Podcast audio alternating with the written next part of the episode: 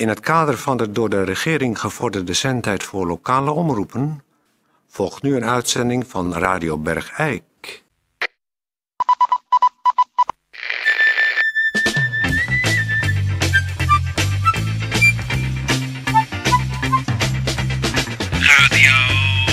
Radio Bergijk. Radio Bergijk.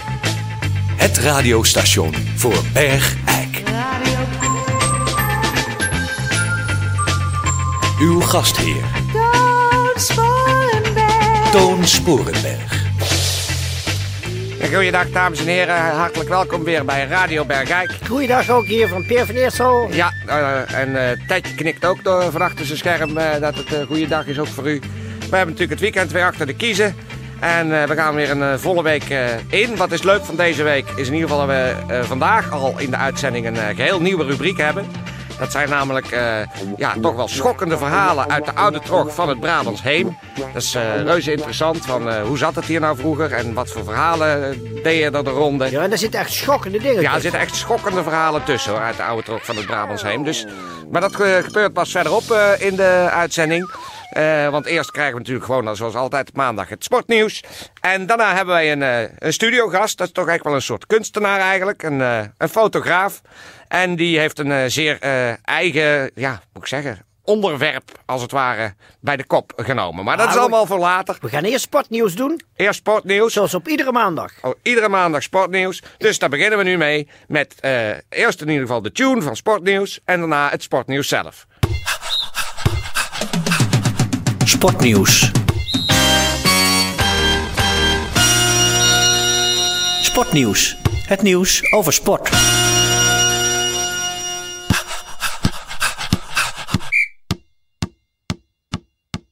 Sportbericht. Ja, we hebben in ieder geval tijd. Peer, even snel dan. Eh, uitslagen. Afgelopen weekend gespeelde wedstrijden. Audacia 1, Hulsel 1, 1-1. Dosco 32 4, Hulsel 2, 0-4. Hulsel 3, Oorschot vooruit 5, was afgelast. Rood-wit 10 tegen Hulsel 4, Ja, was ook dankjewel. afgelast. En zo is het goed. De rest komt dan een ander keertje wel. Nou, de rest blijft even liggen Nee, op stapeltje. stop nou.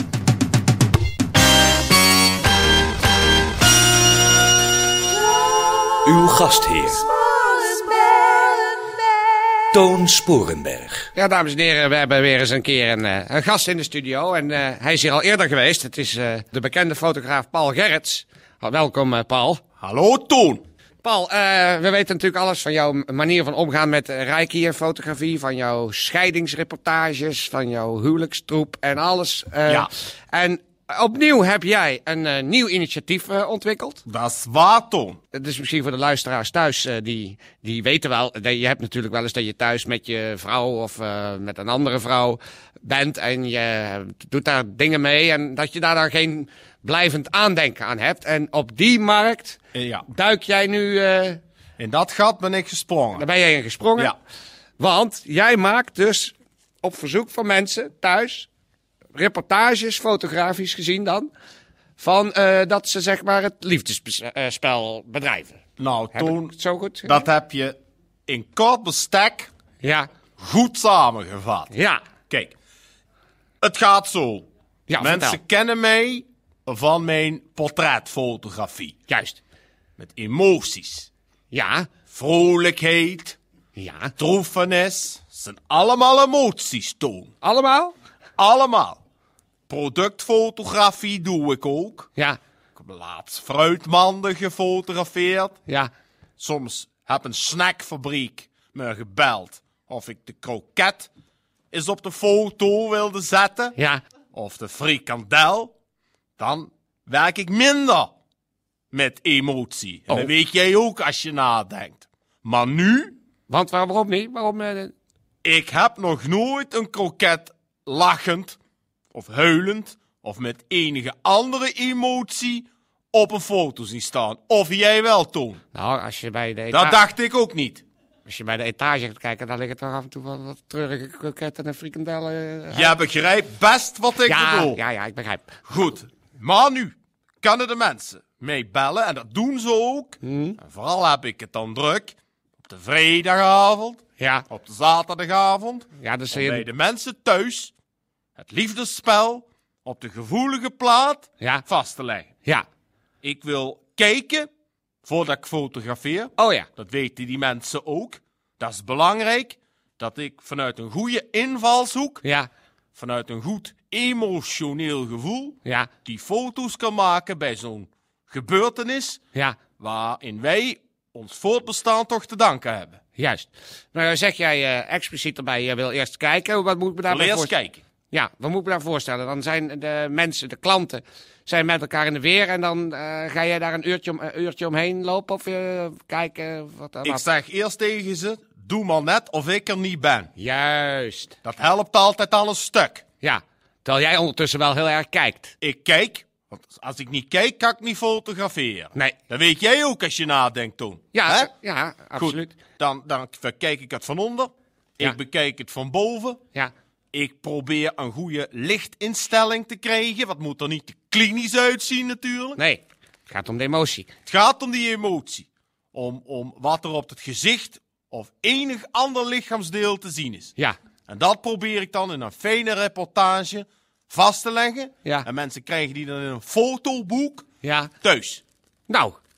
En is het een succes eh, aan het worden, Paul? Het is een enorm succes. Het is een, een, een ik, ik loop de deuren plat. Vooral hier in Bergijk, Ja, in Eersel, ja, in Webos, ja. in Riethoven. Lo En ook? Lo ben ik twee keer geweest. Oh. Bij dezelfde mensen. Nee, Oh. dat waren buren van elkaar. Ah, juist. Ja. Die hadden het fotoboek gezien van hun buren. Ja. En die, dat willen wij ook. Ja, Zo dat- gaat het dan meestal. Het is een soort- een, een orale reclame. Die vaak gemaakt wordt voor mijn producten. Nou, en dat is natuurlijk altijd de allerbeste reclame. Orale reclame. Zo is het. Ja. Nou, eh, ik heb hier een staaltje meegenomen. ja. Eh, eens- kijk, kijken. kijk maar. Het is iemand die jij kent, maar hou het voor je.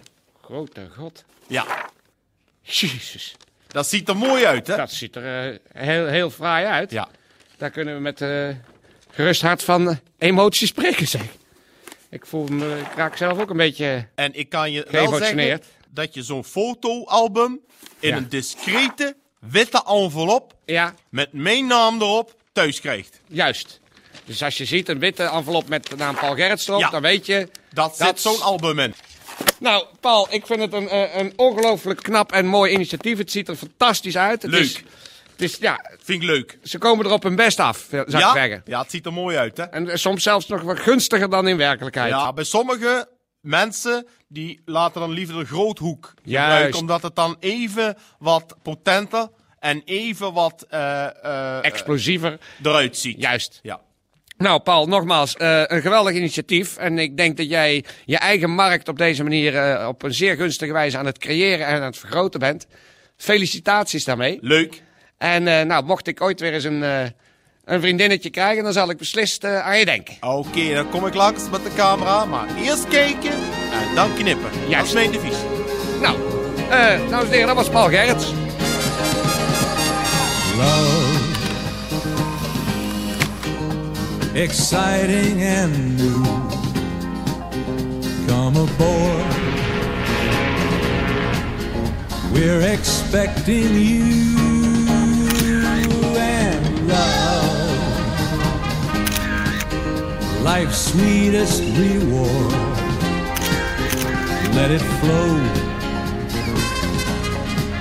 it floats back to you.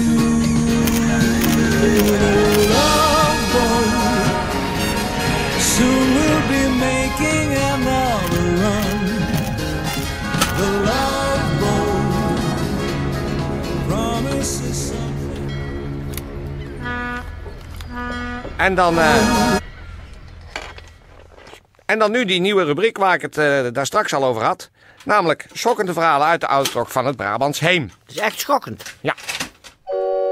Schokkende verhalen uit de oude tocht van het Brabants Heem.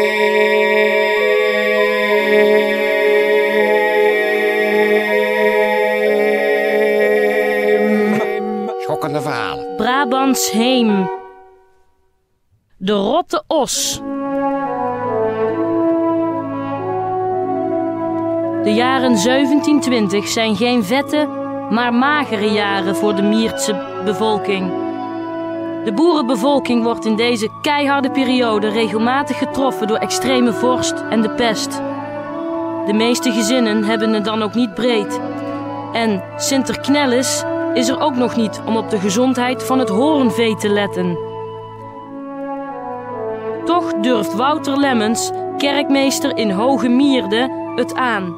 Op 6 mei 1728 begeeft hij zich naar de vee- en kalvermarkt in Kasteren. Naar Vaas Michielse, die een valen osch met wit hoofd te koop heeft. Na enig handjeklap is de koop snel gesloten. Het beest is nog maar drie jaar oud. Tenminste, dat denkt Wouter. Het zal anders lopen. Want drie weken later, op des ochtends van 26 mei om 8 uur, komt Wouter in de stallen en vindt er zijn os al dood op de grond. Maar hoe kan dat nou, zo'n een jongen dier? Toch maar eens van binnen bekijken. Willem Verspaandonk, de grote slachter van Mierde en Hulsel, wordt opgetrommeld.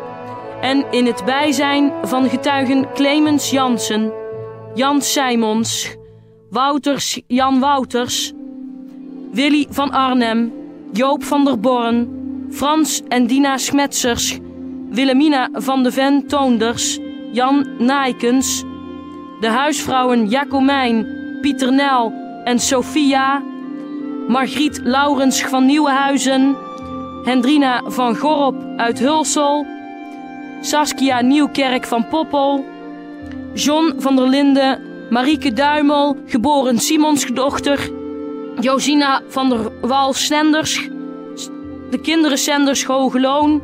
En de gehele boerenbevolking uit Gluiks-Gestels en de familie van de Bigelaar, plus Nelly van der Riet van den Berg, de tweeling Emmy en Annie Soeters kennis, van Buul en de familie Quinten met het gehele vee wordt de os geo- geopend.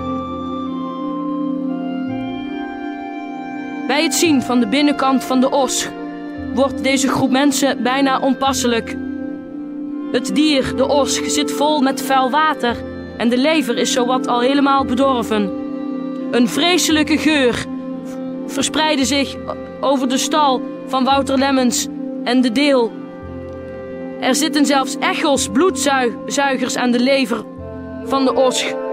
Een kat in de zak heeft Wouter Lemmens gekocht.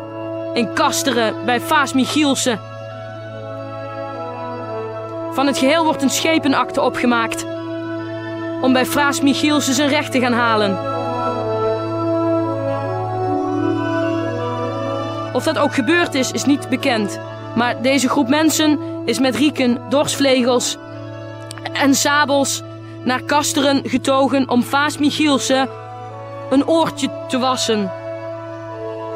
Door Willem van Verspaandonk is deze dag subtiel samengevat. Met een zwaar hout is het vreselijk kon verkeren. Anders slaan wij u, Vaas, dood.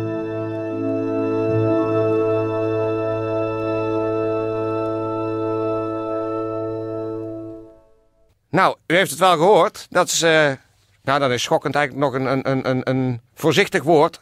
Als je dit soort dingen hoort en dan bedenkt dat het echt zo gegaan is vroeger. En eh, dat dat de sfeer en de, de karakter van het Brabantse gebied hier karakteriseert. Nou, dan, eh, dan denk ik dat we hiermee een hele fijne nieuwe rubriek hebben. Schokkend, maar waar. Radio. Tijd voor een kopstoot. Tijd voor de tokstoot. Ik kan niet eens Tijd.